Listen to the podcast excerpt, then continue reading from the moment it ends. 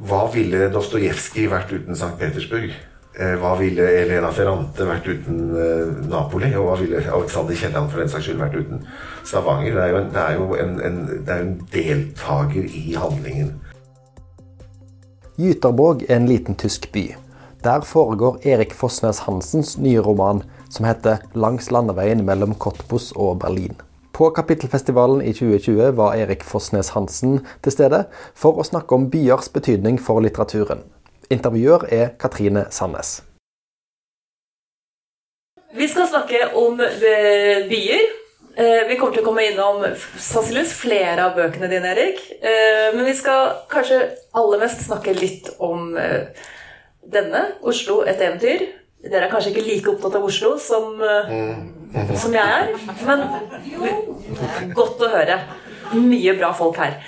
Og så skal vi snakke litt om denne, denne som faktisk ikke har kommet ut ennå. Nei, kommer eh, 6. oktober. Langs landeveien mellom Cottbus og Berlin, heter den. Det er bare et eh, forhåndseksemplar. Den kommer i innbundet utgave da. Den er ikke å få i bokhandelen ennå, men dette er blitt instruert om å si den kan forhåndsbestilles hvis man går inn på Nordlys nettsider. Da får man den signert, til og med. Så den kan forhåndsbestilles nå. Ja. Nå sa jeg det, nå husker jeg så frem stjerne i boka når jeg kommer tilbake til forlaget. Ja. Uh, Erik, du har skrevet om veldig mange ulike byer i, uh, i bøkene dine. Og du har skrevet om uh, virkelige byer. Mm. Historiske byer. det er altså virkelige byer men, som har ligget men du har lagt handlingen tilbake i tid. Mm. Uh, og da, Det ene jeg lurer på, det er jo på hvilken måte former byen historien? Ja, det er jo et godt spørsmål, fordi er det i det hele tatt mulig å beskrive en by? En by er jo, eh, når vi tenker over det, en veldig, veldig stor og veldig kompleks hva skal vi kalle det, organisasjon, eller, eller en, en, vev av En ting er arkitekturen med gater og smug og bakgårder og, og, og fortau og alle husene og etasjer og sånn. Og så er det jo ufattelig mange sammenhenger, sosiale sammenhenger, menneskelige sammenhenger i en by. Og så er det veldig mange ting som skjer på én gang. altså alt det, det, det er jo en sånn simultan sånn kaos av simultane hendelser, så er spørsmålet er, kan du beskrive en by i det hele tatt. Det er et godt spørsmål. Eh, man ser jo i litteraturen byer som nærmest opptrer som medhandlende, altså nærmest som skikkelser i romanen. Eh, og det er interessant, fordi hva er det forfatteren ser da? Hva er det forfatteren trekker inn i, eh, inn i sin fortelling da, det, det blir som en sånn ekstra, en ekstra skikkelse. Og alle som har vært i forskjellige byer, vet jo at byene har jo sin stemning. De har sitt lys. De har en, en måte å være på. Eh, og vi har lett da for å tenke dette mange, mange, mange, dette multihodede trollet, dette, denne veven, dette, dette korallrevet, på en måte, som en by er så blir det på en måte nesten som en, en deltakende da, i, uh, i, handlingen. Og får en personlighet. Og får en karakter. Tigerstaden kalte jo eh, Bjørnson Kristiania, Oslo. eh, fordi han syntes jo at den var som en tiger. Det var ikke vennlig ment. Det var jo fordi at han syntes i Oslo ble man dårlig behandlet hvis man kom fra landet. Da, det, da ble man glefset etter, på en måte. Og så har vi jo ja, vi kan jo ta Hamsun da, om, om Oslo. Denne Kristiania, denne forunderlige by, som ingen forlater før han har tatt merke på sin sjel av den. Og eh, det rare er jo at vi synes jo fremdeles at den byen, eller den skildringen, sier noe om Oslo. Og om en stemning, og om en, om en by som vi kjenner. Og så er jo det rare det at med unntak av apotekergården på St. Olavs plass, så er alle de husene som Hamsun beskriver i boken, de er jevnet med jorden for lengst. Hele kvartaler, hele kvarterer borte. Hva ville Dostojevskij vært uten St. Petersburg? Eh, hva ville Elena Ferrante vært uten eh, Napoli? Og hva ville Alexander Kielland for den saks skyld vært uten Stavanger? Det er jo, en, det er jo en, en, det er en, deltaker i handlingen. Og dette er jo utfordringen, da, hvis du fornemmer en sånn atmosfære og egentlig noe som lever i noe som er for stort til å skildre i sin helhet. Hvordan skal du få det da inn i, eh, inn i, eh, inn i boken? Og hvordan skal du få folk til å se det du ser? Eh, jeg husker da jeg skrev reisens slutt', så hadde jeg gjort masse research om vin. Wien rundt århundreskiftet. Hvordan var det der? Jeg leste masse bøker som, og, og, og, dro jo til Wien også. Og Wien er jo en spesiell by. og har jo et spesielt utseende, en spesiell stemning. Og da eh,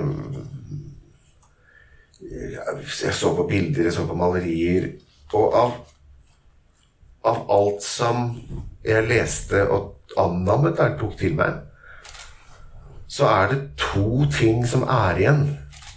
Som er rett og slett som beskriver to synlige ting i Wien. Og det ene er fargene på trikken. Og det andre er at det er en scene der hvor de to unge elskerne går langs gaten, og det er vinter, og snøen faller. Og så ser de sikksakk-mønsteret i taket på Stefansdomen som forsvinner opp i snødrevet. Og det oppdaget jeg ikke før mange år etter at jeg har ikke beskrevet Wien i det hele tatt. Det er bare atmosfæren. Og det, bare det at man sier at 'nå er vi i Wien, dere'. Og så forsøker jeg å beskrive disse menneskene naturligvis som typiske, mer eller mindre typiske wienere.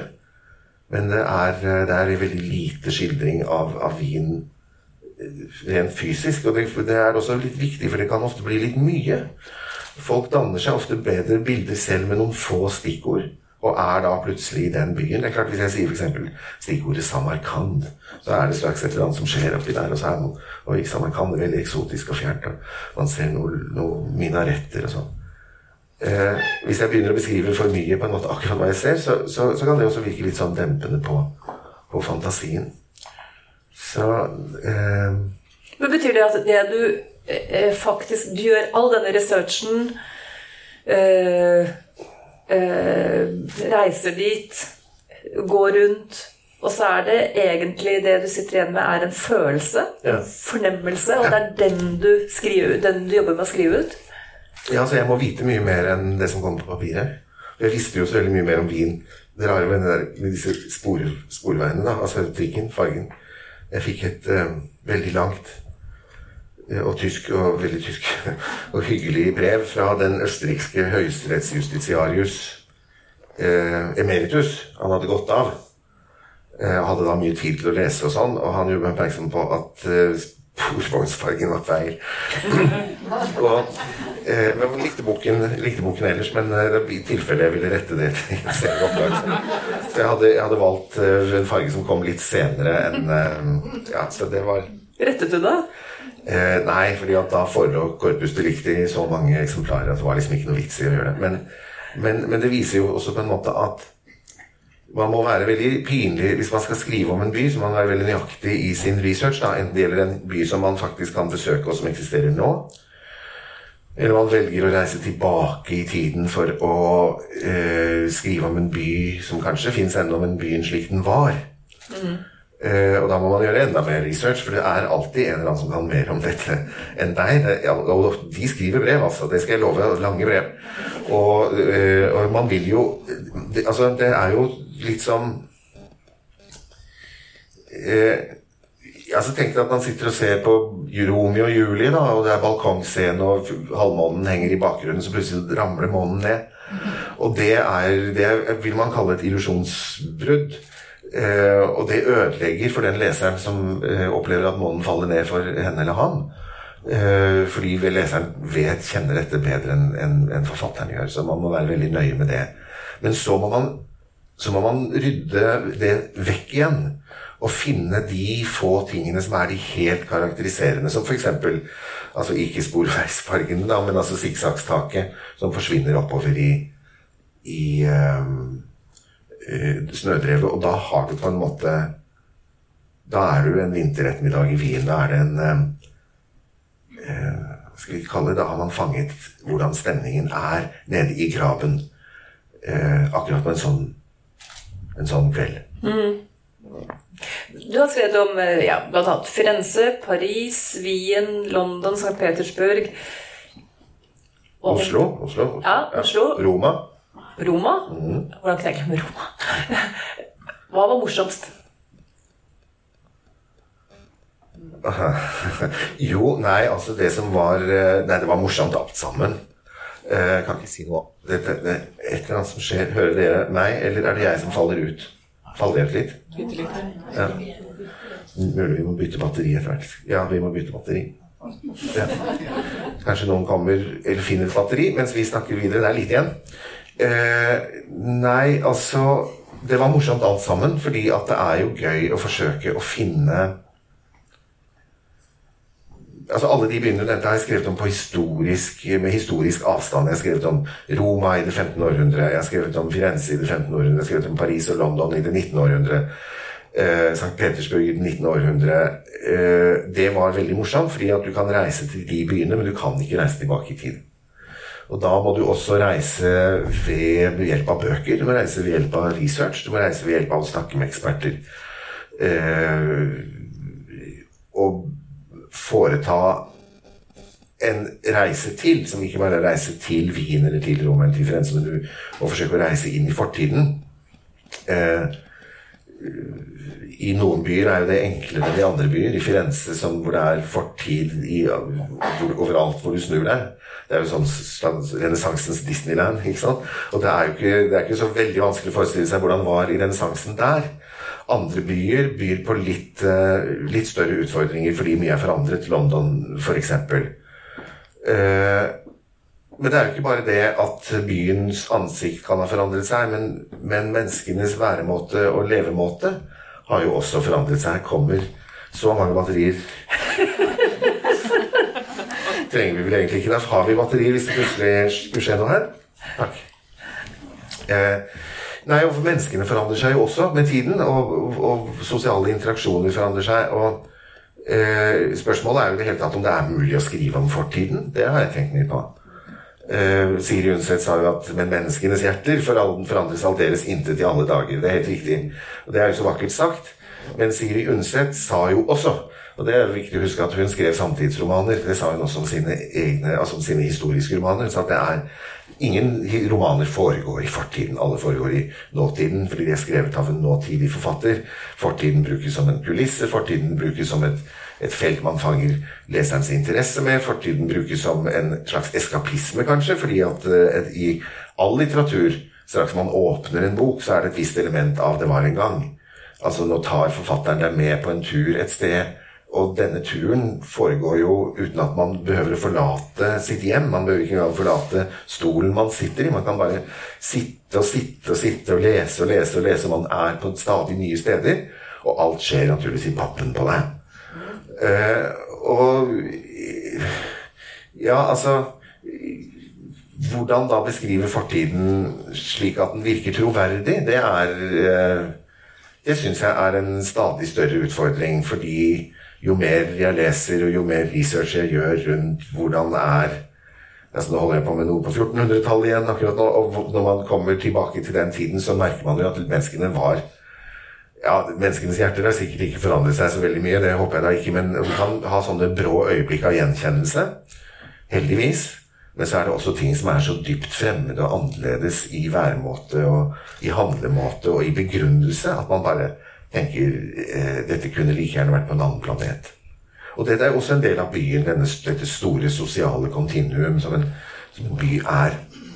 Så det som var morsomt, morsomst, da, kanskje, på en måte, det var vel da jeg skrev Et hummerliv, som var min ja, frem til 6. oktober, da, den foreløpig siste romanen. Eh, fordi den foregår jo stort sett i høyfjellet. Eh, på et høyfjellshotell. Vi møter en litt eksentrisk eh, høyfjellshotelleierfamilie der. Og den litt underlige, litt uh, veslevoksne og rare sønnen Sed. Sønnesønnen, dattersønnen Sed, barnebarnet. Men han har gjort en liten heltedåd, så hans bestefar, hotelldirektøren, finner ut at han skal belønne ham med å ta ham tilbake, med å ta ham med på tur til en helgetur til Oslo. Og handlingen i denne boken eh, For denne boken handler egentlig om finanskrisen. Eh, hva som skjer med mennesker i en finanskrise. Ikke den finanskrisen vi har bak oss, men hva med den finanskrisen som vi opplevde på, på 1980-tallet. På den tiden da den økonomiske politikken som førte til finanskrisen vi nå har bak oss, ble grunnlagt av Reagan og Thatcher og sånt. Den ligger veldig bevisst lagt i 1982, Falklandskrigens år. Så da tar altså eh, bestefar med seg Sed, sin dattersønn, til Oslo på besøk. Og Sed er 14 år. Jeg var, I 1982 så var jeg 17. Og da fikk jeg Da måtte jeg altså beskrive en by jeg hadde sett og levd i. Eh, og som allikevel var en by som tilhørte fortiden. Og så til de grader som den tilhørte fortiden. Fordi hvordan gjør man, eh, hvordan gjør man det? Hvordan beskriver man eh, når man skal gå tilbake i sin egen bys historie? Hvordan gjør man det? Jeg ringte til Lars Åge Christensen. Jeg tenkte han vet litt om det. Eh, ja, sa Lars. Eh, du må gå og lese gamle aviser. Du må gå i Kompletten og lese avisene fra dette året. Du må, du må kjøpe sånne Hvem var hvor eh, fra det året. Du må, du må finne sånne årbøker fra det året. Og så gjorde jeg det. Og så begynte det å demre hvordan alt var. Så jeg så på bilder av Oslo Bymuseum var mye fint og sånn. Du, Katrine, altså, jeg skal si deg at det var altså, Det kunne like gjerne vært Firenze på, på 1500-tallet. For det var naturligvis noe jeg kjente igjen, noe jeg hadde sett, og noe jeg hadde opplevd. Og så allikevel så ble avstanden så veldig veldig, veldig stor. Men jeg tenkte, hva gjør de? Jo, de går på Blom og spiser middag. Blom fins ikke lenger. Han står i, han står i, i Akersgata og leser avisene i aften, Aftenavisen, da, i Aftenpostens vindu. Det gjør du ikke lenger. Han går på kino og, og, og Altså, det er en rekke ting han gjør som på en måte ikke kan gjøres lenger. Han går inn i Østbanehallen hvor togene står. Alt dette her er borte. Det var veldig morsomt. Og tankevekkende også for meg sånn faglig sett når det gjaldt å reflektere rundt den metodikken av hva de sier og skulle rekonstruere en fortid. Dette var tilfeldigvis en fortid jeg hadde hatt en del, hadde vært del av selv. da. Eh, og så begynte jeg å tenke på herregud, hvor lenge siden er dette her? I boken så forekommer det jo f.eks. At bestefaren eller hotellet har en de har noe som heter en fjernskriver. En fjernskriver, Husker dere at vi hadde noe som het fjernskriver? Det var et apparat på størrelse med en mindre flodhestbaby.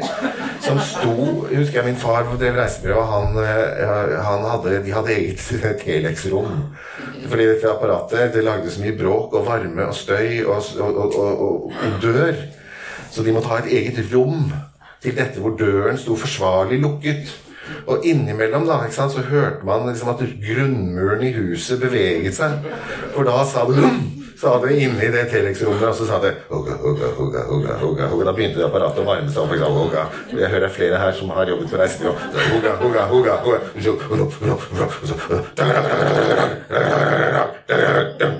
Og så huset beveget seg. Pling, sa det. Og så Og når røyken hadde lagt seg, så åpnet de der, og så og så tok de da ut Rev av dette arket med disse hullene på siden. Og da sto det f.eks. Eh, Herr Schmidt kommer, ankommer Larvik i morgen. Og Det kostet 1000 kroner å sende det. Det var, dagen, det var den tidens eh, SMS-er. er så tenker de bak på det, tenker jeg har levd i stenalderen. Men jeg kan jo også tenke at på en måte lever jeg i fremtiden nå. Altså Det er litt vanskelig å, å si hvor man egentlig er. Så hva, nei, hva er det egentlig å beskrive fortid og en by? Nei, jeg vender litt tilbake til dette med at jeg egentlig så tror jeg ikke så tror jeg ikke man kan det. Men man, kan, man må skape illusjonen av at man gjør det. Mm. Men hvis du tenker på de ulike menneskene du har skrevet opp mm.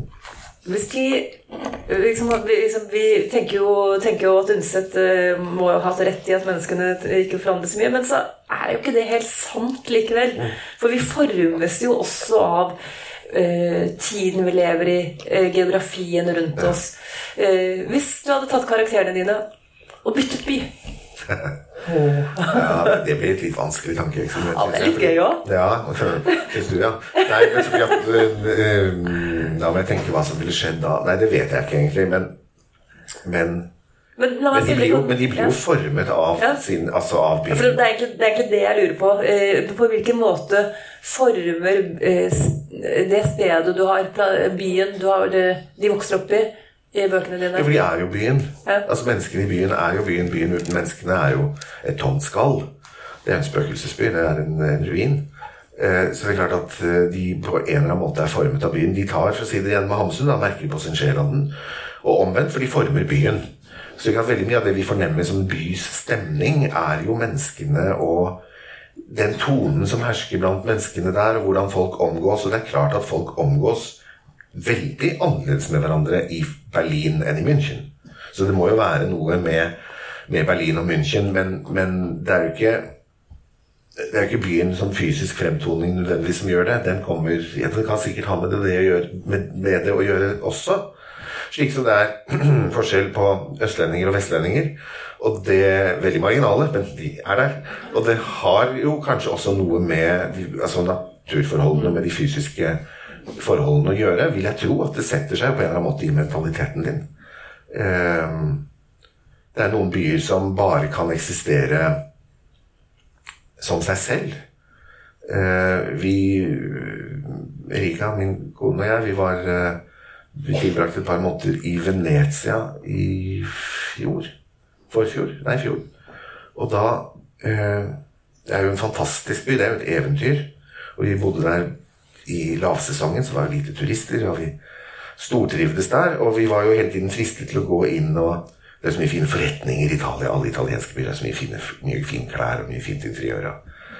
Og ikke minst i, i Venezia er det jo De er jo kjent for sin overdådige eleganse og skjønnhetssans. og Man må jo bli man må jo bli sånn når man bor der. og For øvrig så er det også en kjent sak, dette hørte jeg av en øyelege, at venezianerne har overvekt av nærsynthet. Fordi de har eh, Det er sånne små smug. Det er så korte avstander til neste vegg. Eh, og dette, har, dette er det skrevet en avhandling om, faktisk. Og de, de er litt nærsynte. Mer enn andre. Men man må aldri finne på å kjøpe noe i Venezia. I en butikk. Spesielt ikke interiør. For det ser så innmari elegant ut i Venezia. Men straks du kommer inn på fastlandet, så er det helt ubrukelig. Fordi at er, Da blir det over the top. Det er altfor mye. Det er, de tar i for mye. Det er noe karnevalistisk og noe, noe, noe dekadent og noe vidunderlig over det som virker så riktig. Akkurat der, i Rialto, virker det så riktig, men hvis du flytter det bare inn på, til Mestre eller til Bologna eller noe sånt Nei, det går ikke. Men det er litt sånn med menneskene, menneskene dine òg, er det ikke? At vi- hvis du hadde tatt en av skikkelsene dine fra Firenze og plassert vedkommende, ja, la oss si i Stavanger, Ja, så hadde det vært litt mye? fra for vedkommende, kanskje. Nei, hør nå. Sånn. Hva gjør man, man Vi kan jo heller snakke om hva gjør man når man dikter mennesker. Da Da kan vi vende igjen tilbake til det med, som Undset at i bunn og grunn er det samtidsromaner alt sammen. Fordi, fordi du, du, du Vi har jo altså mye diskusjon nå de siste årene i norsk litteratur om bruken av modell kontra bruken av eh, eh, det, altså, ja, altså, er det, hva, det er nemlig også litt forskjell på å tegne et portrett og bruke en modell. Det er to litt forskjellige ting. Hvis du faktisk tegner et portrett, så er det et levende menneske du for, forsøker å beskrive, og da eh, Da er det nærmere reportasjen, på en måte. Men, men modell bruker man jo hele tiden. Og jeg har aldri eh, jeg, vet ikke, jeg har ikke prøvd. Det kan godt være jeg ville få til men jeg ville jeg, La oss si at jeg skrev en bok om min egen barndom, og så skrev jeg om min storesøster. En veldig snill og søt storesøster, men det var ikke bare snill og søt. Altså, hun var jo Var ikke det. Alltid, naturligvis. Eh, og så Når man skriver, så skal man jo forsøke å være ærlig. Man skal forsøke å skrive, beskrive folk sånn som man mener de er. Og jeg tror at hun kunne kanskje komme til å ta seg litt nær av det. Kanskje. Eller min bror, eller en nabo, eller en skolekamerat, eller noe sånt.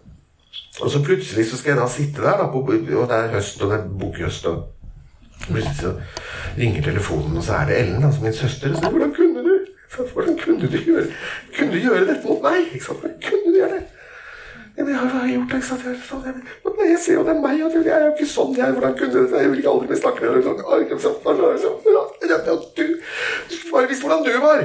Og så, og så, ikke sant, så, man, så blir vi sikkert venner igjen, men så, så har man kanskje på en eller annen måte forstyrret det forholdet litt. Det er et stort ansvar for forfatteren å gå inn i. Jeg har aldri skrevet en roman som har gjort at jeg har måttet føle på det ansvaret. Jeg mener ikke at man ikke skal gjøre det. Det syns jeg er helt legitimt. Jeg understreker det. Jeg syns det er helt legitimt. En helt korrekt og riktig litterær metode. Men den er problematisk for den, for den det gjelder. Men det betyr jo ikke at jeg ikke har skrevet om søsteren min. Det er bare at det vet ikke hun. Det vet hun ikke, fordi at jeg har flyttet henne behendig til et annet sted. For alt hva du vet, har jeg skrevet om deg. Og brukt deg som modell for en eller annen bifigur, eller kanskje hovedfigur også. Det er ikke godt å vite? Men jeg, det er den friheten jeg har, som har, bruker, bruker fortiden som illusjon.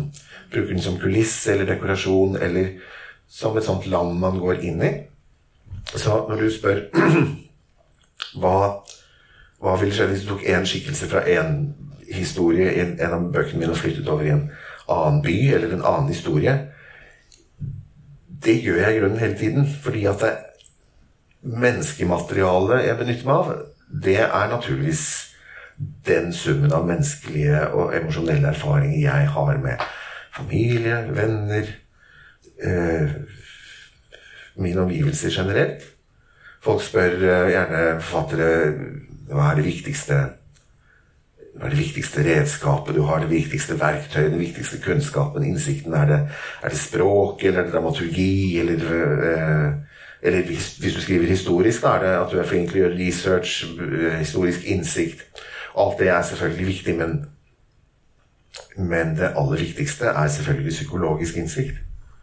Vi er noen sånne amatørpsykologer på en måte alle sammen. Til dels på ganske høyt profesjonelt plan, da, fordi vi sitter jo hele tiden og tenker Hvorfor gjorde hun det?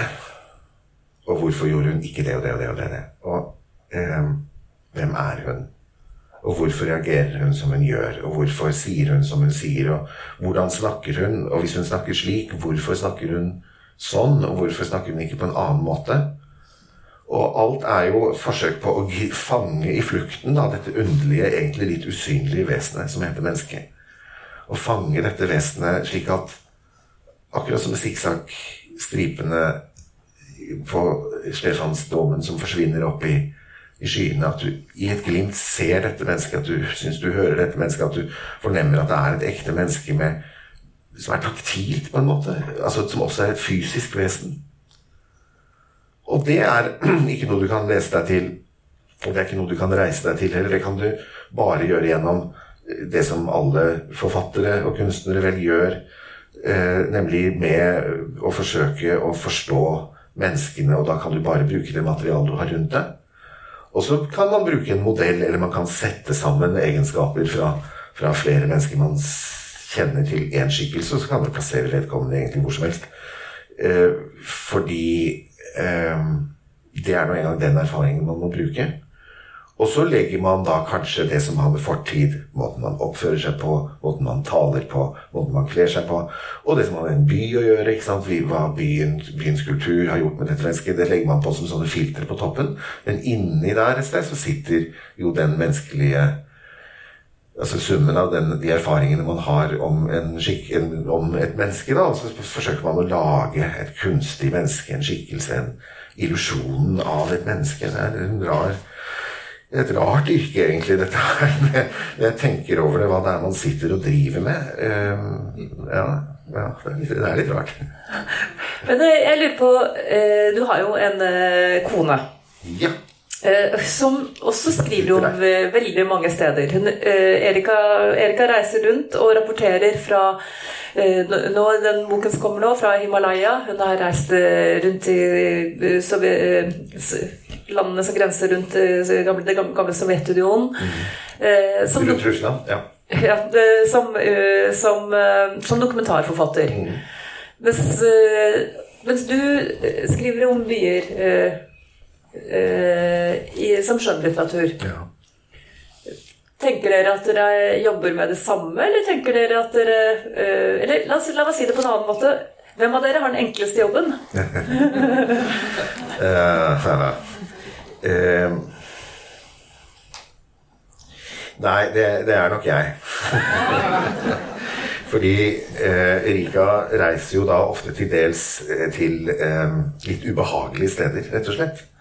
Med, med, hvor det er radio, radioaktivt, eller det er krig, eller det er uroligheter, eller det er terror, eller det er uh, veggdyr, Eller det er uh, gjæret kamelmelk til frokost. Eller det er, uh, det er jo mer radioaktiv, radioaktivitet, og det er høydesyke, og det er tånegler som detter av, og det er ribbensbrudd, og det er strabaser og anstrengelser. Og hun kan være borte veldig lenge, og jeg syns jo Det er jeg i og for seg vant til, for jeg har vært sammen lenge, og hun har alltid vært sånn, så det venner man seg til på en måte, men ikke aldri helt, for det blir jo lenge, da. Men eh, jeg kan jo gå ned på eh, bakeriet på hjørnet og ta meg en cortado. det, det, kan ikke hun. Eh, så sånn sett så er det nok helt sikkert sånn at hun har den Jeg har den enkleste jobben, for jeg kan gjøre mye av dette ved skrivebordet. Og jeg kan også reise til et sted Jeg kan jo ja, altså jeg, jeg, kan jo velge Det kan jo i og for seg hun også. Jeg har ofte lurt på hvorfor hun ikke gjør det. Men jeg kan jo finne ut at jeg vil gjøre research på litt behagelige steder. da. Og ikke nødvendigvis på sånne, sånne litt ubehagelige steder. Men sånn sett kan du si, men jeg tror mer at det handler jo om å dele verden mellom seg. Jeg mener ikke at vi har gjort det helt bevisst, men du har, du har fått de behagelige stedene. Nei, men det, det, er ikke det jeg mener. Men jeg mener innfallsvinkelen er litt forskjellig. Fordi vi gjør begge veldig, veldig nøye research. Og eh, jeg er ikke mindre enn henne, selv om min, hvis jeg, hvis jeg skriver om fortiden, foregår mye på å skrive i, gjennom bøker. Men hun eh, Hun skriver dokumentarisk, og da har, stilles det et helt annet sannhetskrav til eh, innholdet. Hun kan ikke dikte til. Hun må skrive det hun opplever. Hun må naturligvis også filtrere bort, ta vekk uinteressante opplevelser. og finne de helt riktige tingene som danner også, Det er jo et litterært grep, dette også. Skrive om uh, Jeg syns det er høy litteratur. Men, uh, men, hun kan ikke ta seg den litt sånn behagelige friheten som jeg kan. Nemlig at jeg kan, hvis jeg vil, forenkle uh, Hvis jeg er sikker på at leseren ikke skjønner det. Jeg kan jeg må ikke holde meg til den historiske sannheten. Da jeg skrev eh, 'Salme for reisens slutt', så skrev jeg veldig nøye om Titanic. Altså en slags by. En flytende by. ikke sant? Og, og alt der er veldig nøye resersjert. Men musikerne er helt fritt oppfunnet. Mm. De er, de er, ikke identiske. De bærer ingen likhetstrikk med de trekk med de likhetstrikk. ikke sant? Dette er noe med den trikken som har satt seg uvisst der. Nei, de bærer ingen likhetstrekk med de virkelige musikerne. Mm. Og det, det, er jo den friheten jeg har, da. Eh, men det betyr ikke at jeg, jeg må jo også være veldig nøye med å gjøre, gjøre research. Eh. Men har du noen gang tatt deg større friheter enn du har gjort med denne boka? Nei. Nei, jeg har ikke det, gitt. Ja, for denne, eh, På landeveien mellom Cottbus og Berlin så havner jo da disse hoved, de to eh, første personene vi møter, de havner i byen. Yterbog. Yterbog. Yterbog. Ja. Eh, som jo finnes. Den fins. Eh, I navnet, i hvert fall. Ja, ja den fins. Jeg har bodd der. en Eller utenfor Göteborg. Ja. ja. Det er, altså, for dere som er litt svake i tysk geografi, så kan jeg da fortelle at det er en, en eh, liten by, liten småby, som ligger søvnig ute på landet i Brandenburg sør for Berlin. Øst-Tyskland, altså. Ja. Og, eh, Fryktelig kjedelig by. Ja, eh, skjer det ingenting. Tro meg, jeg har bodd der. Det skjer ikke en dritt. Eh, så, eh, hvor... Du får Sandnes til å fremstå som uh, metropol, altså. Ja. Jeg synes jeg håper jeg snakker om byen, ikke om meg.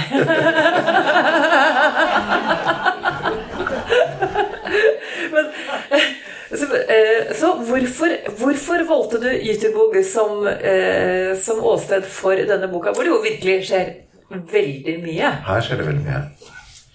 Nei, dette var morsomt. Dette her var vel Dette er vel den rareste Nei, jeg vil ikke si rar, for det høres så veldig rart ut. Dette er vel den mest interessante boken jeg har skrevet. Og jeg synes det er den som jeg har hatt kunstnerisk størst utbytte av å skrive. Fordi eh, den kom i en drøm. Altså ikke hele boken, men første scene. Andre scene.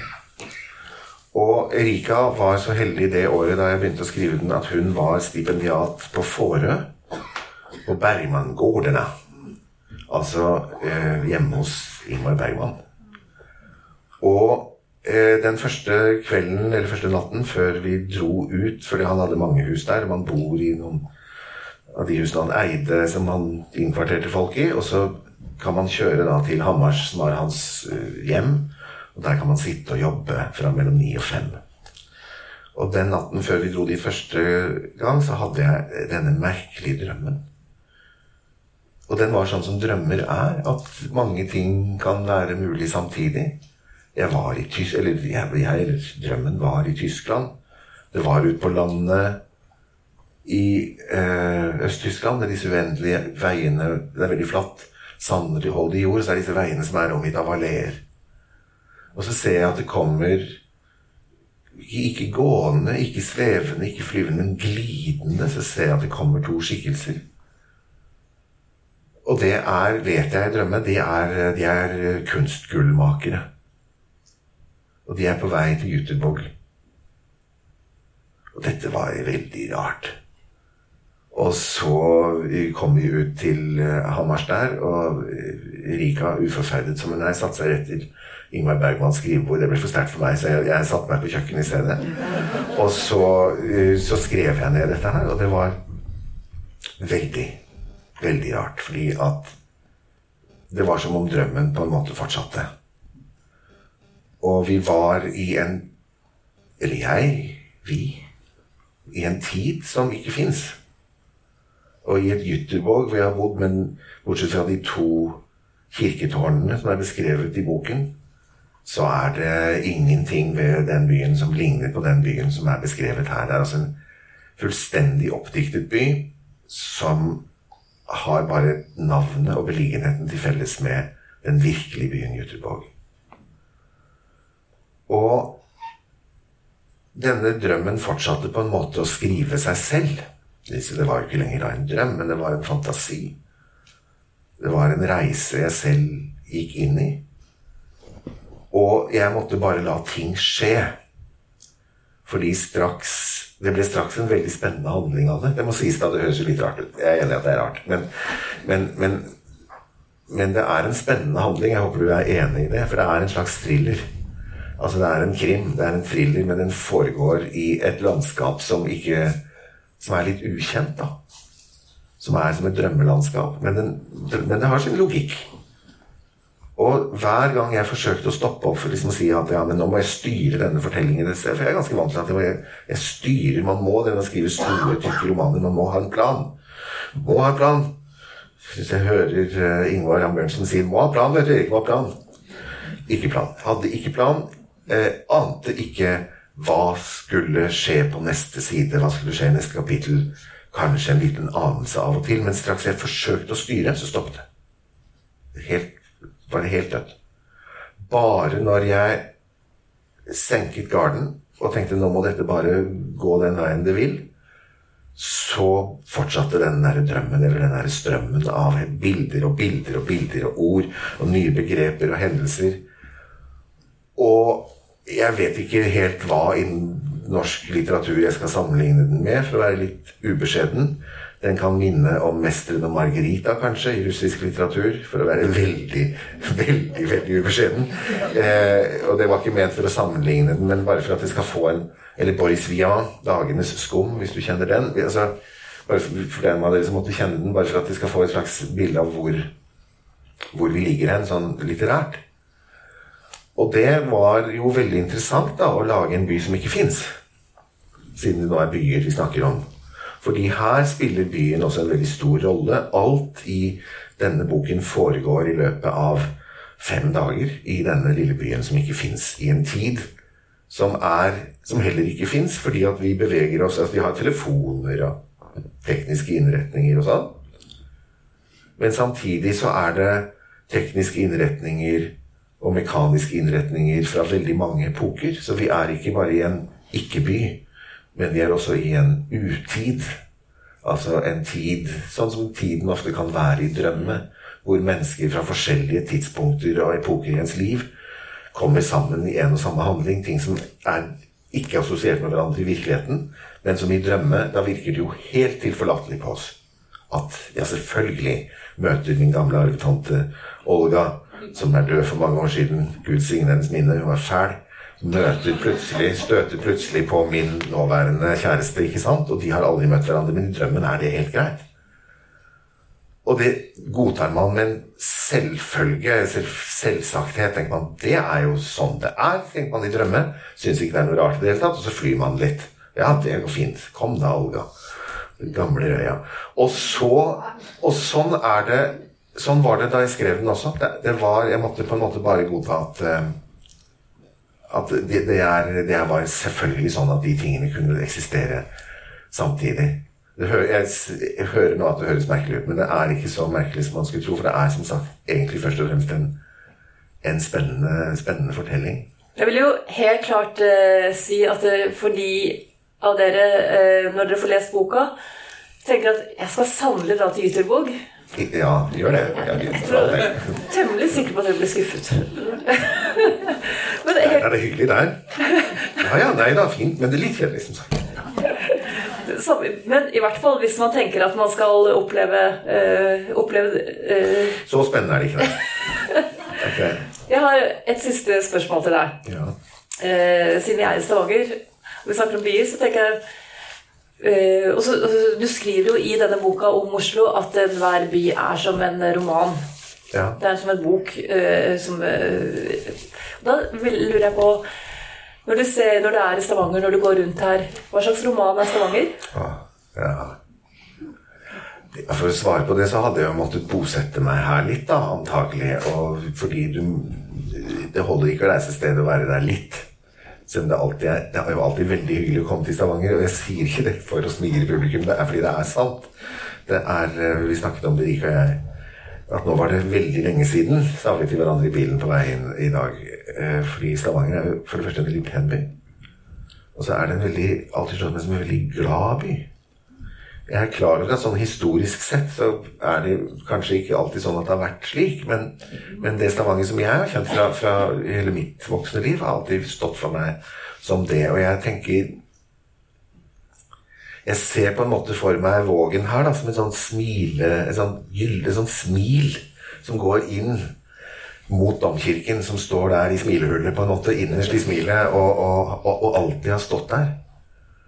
Eh, så Nei, det er litt vanskelig å si her, her, finnes det jo lokale forfattere eller forfattere herfra som har, som har skrevet de bøkene Altså ta En ting er Alexander Kielland, men, men, la oss si da Tore, da, som vi møtte ute i Renberg, som vi møtte. altså Det er jo på en måte eh, det, her, det, er jo noe, noe, som ligger der også. Skildring av landsdelen av, av, av, miljøet, av menneskene. Han er jo på en måte sånn Det blir jo litt sånn Elena Ferrante er for Napoli, på en måte. Og det, dette, dette er jo det eh, Nei, jeg har tenkt at, nei, jeg tror at vi heller si det omvendt. At hvis ikke Stavanger hadde funnet, så hadde vi måttet finne opp Stavanger. på en måte. Altså Vi måtte dikte en by som Stavanger for at norsk litteratur skulle bli komplett, vil jeg nesten si. Det var jo veldig, det var jo veldig fint sagt. Takk skal du ha. Takk skal du ha. Og takk skal dere ha.